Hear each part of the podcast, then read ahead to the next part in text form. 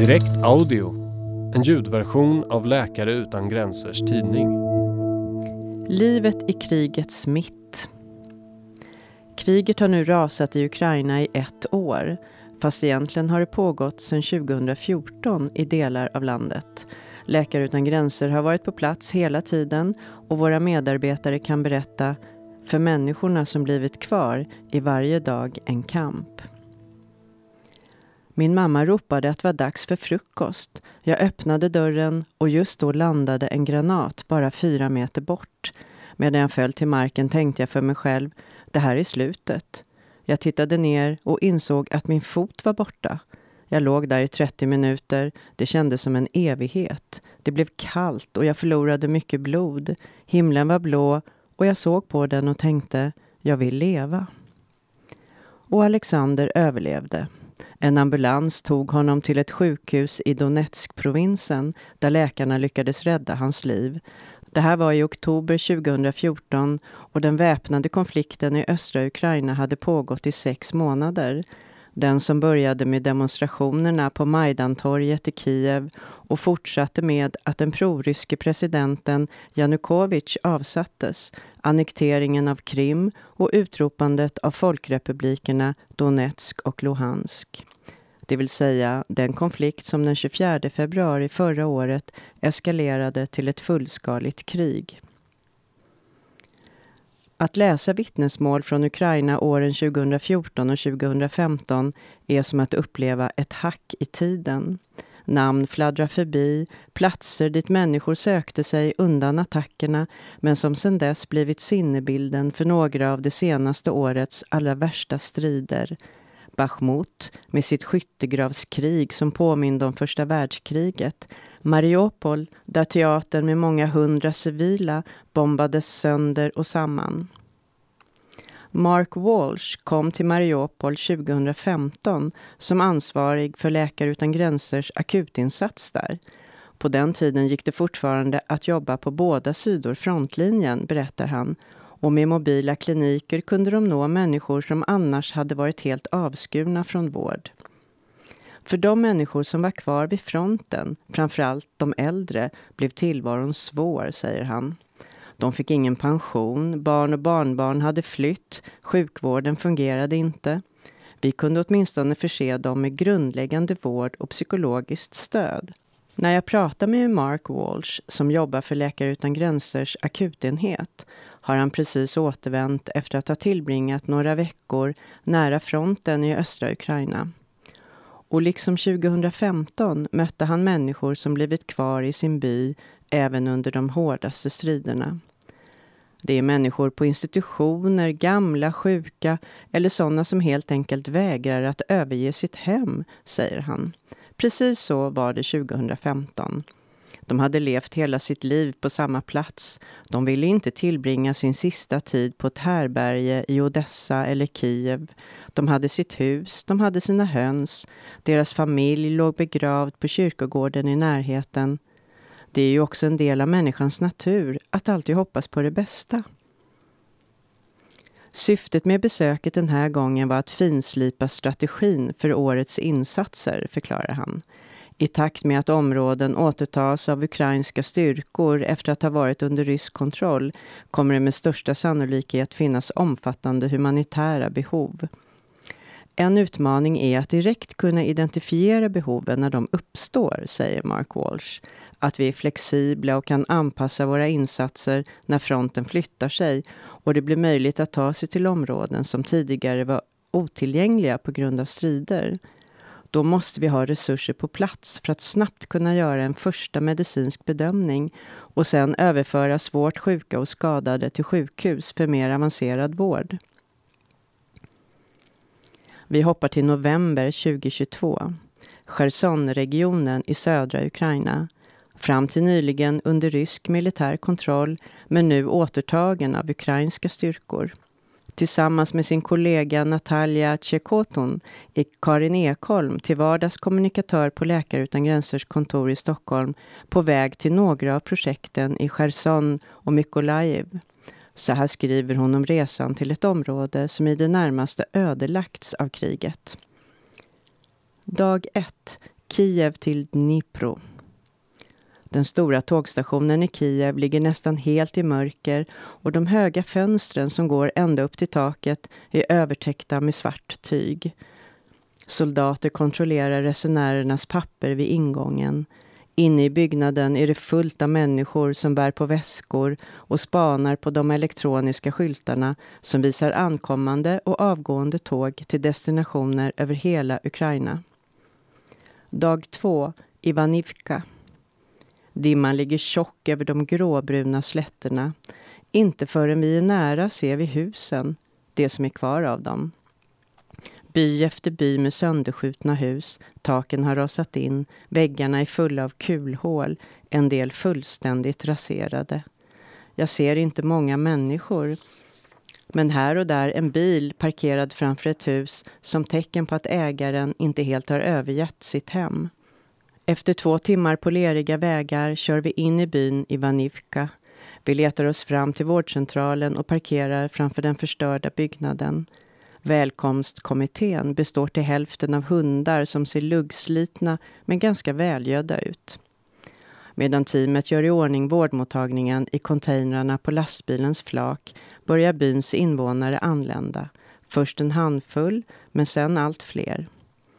Från de som var kvar i byn när den var under rysk militär kontroll, framförallt äldre, får vi höra skrämmande historier om livet i krigets mitt.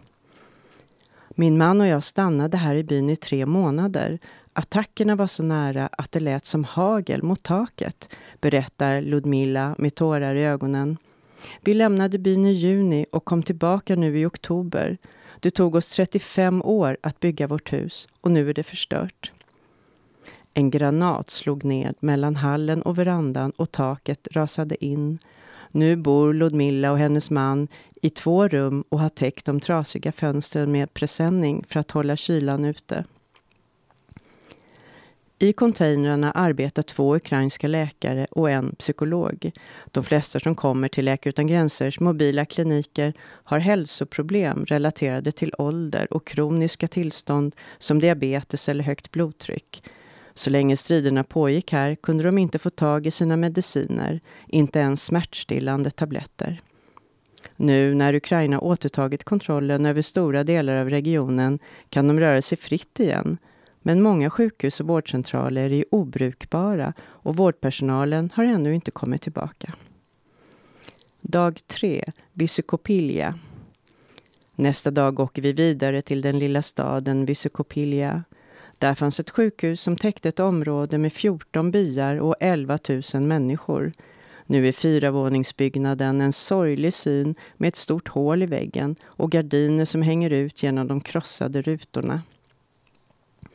Vi öppnar containermottagningen framför stadens kulturcentrum. Här har vi varit tidigare och människor börjar snart komma till fots, på cykel och i bil för att få träffa läkare och psykolog. Kriget har satt djupa spår. Många lider av sömnproblem, ångest och oro.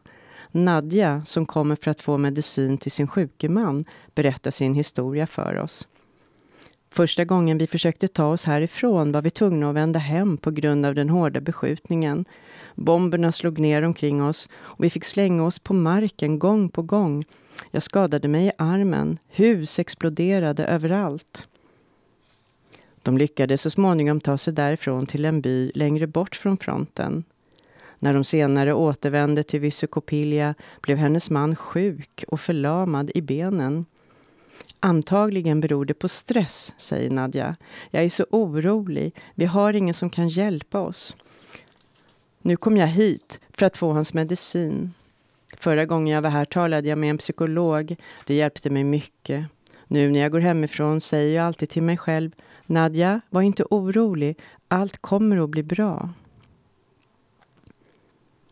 Bara för att ett område har återtagits av ukrainska styrkor går det inte att blåsa faran över, säger Mark Walsh. Vi ser kanske bilder från andra världskriget framför oss när de allierade rullar in i en stad som återtagits från fienden och möts av hurrande, flaggviftande människor, säger han. Men återtagna territorier är ofta väldigt osäkra. Säkerhetstjänsterna letar efter kollaboratörer, grannar är misstänksamma mot de som stannat kvar, minor och odetonerade granater kan utgöra livsfara. Dessutom svänger kriget fram och tillbaka och det som idag är under ukrainsk kontroll kan vara tillbaka i ryska styrkors händer imorgon. Även 2015 flyttade sig fronten fram och tillbaka. Så småningom stabiliserades den och delar av Luhansk och Donetsk utropade självständighet, vilket inte erkändes internationellt. För Läkare utan gränser blev det allt svårare att jobba på andra sidan den så kallade kontaktlinjen Anklagelser om allt från spioneri, import av illegala droger till organhandel ledde så småningom till att vi tvingades avbryta en stor del av arbetet inklusive vård och behandling för personer med multiresistent tuberkulos. Ja, till slut blev vi tvungna att sluta jobba i Luhansk, säger Mark Walsh.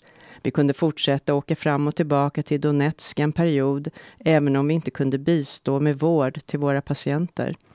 Men vi behöll vårt kontor i Mariupol som låg i den ukrainsk-kontrollerade delen och vi fortsatte att åka till byarna runt omkring med mobila kliniker. Så småningom startade vi också ett nytt hepatit C-projekt i Mykolaiv i södra Ukraina. Men vi hade hela tiden våra patienter i östra Ukraina i åtanke, fortsätter han. Och tack vare vår närvaro och erfarenhet i området kunde vi snabbt dra igång akutinsatserna när kriget blossade upp förra året.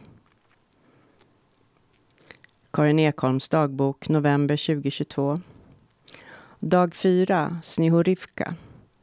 När vi kommer till Snihorivka i Mykolaiv-regionen är det bara två veckor sedan de ryska styrkorna lämnade området.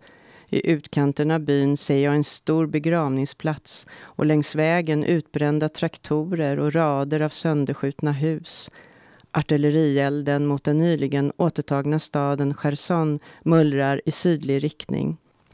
Dagen innan har jag fått veta att våra kollegor som öppnat en tillfällig klinik på tågstationen till slut blev tvungna att avbryta aktiviteterna på grund av beskjutningen. I Snihorivka har sjukhuset varit utan el och värme i många månader och medicinförråden är i princip helt tömda.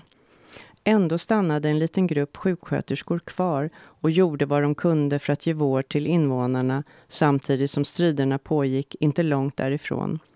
De fick hantera allt från splitterskador till hundbett. Det var otäckt, men vi visste att vi måste hjälpa till och vi blev väldigt sammansvetsade som grupp, säger en av sjuksköterskorna som har bott på sjukhuset sedan 21 mars. Hennes lugna röst och milda utstrålning står i stark kontrast till vad hon beskriver och jag slås än en gång av hur starka och solidariska människor kan vara när de står inför allvarliga kriser. När vi kommer tillbaka till basen i staden Kriviri den kvällen är det strömavbrott.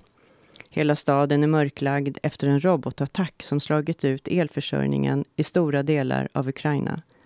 Tomma trådbussar som stannat mellan sina hållplatser står på tvären här och där och vi ser en lång bilkö till en bensinstation som ändå håller öppet.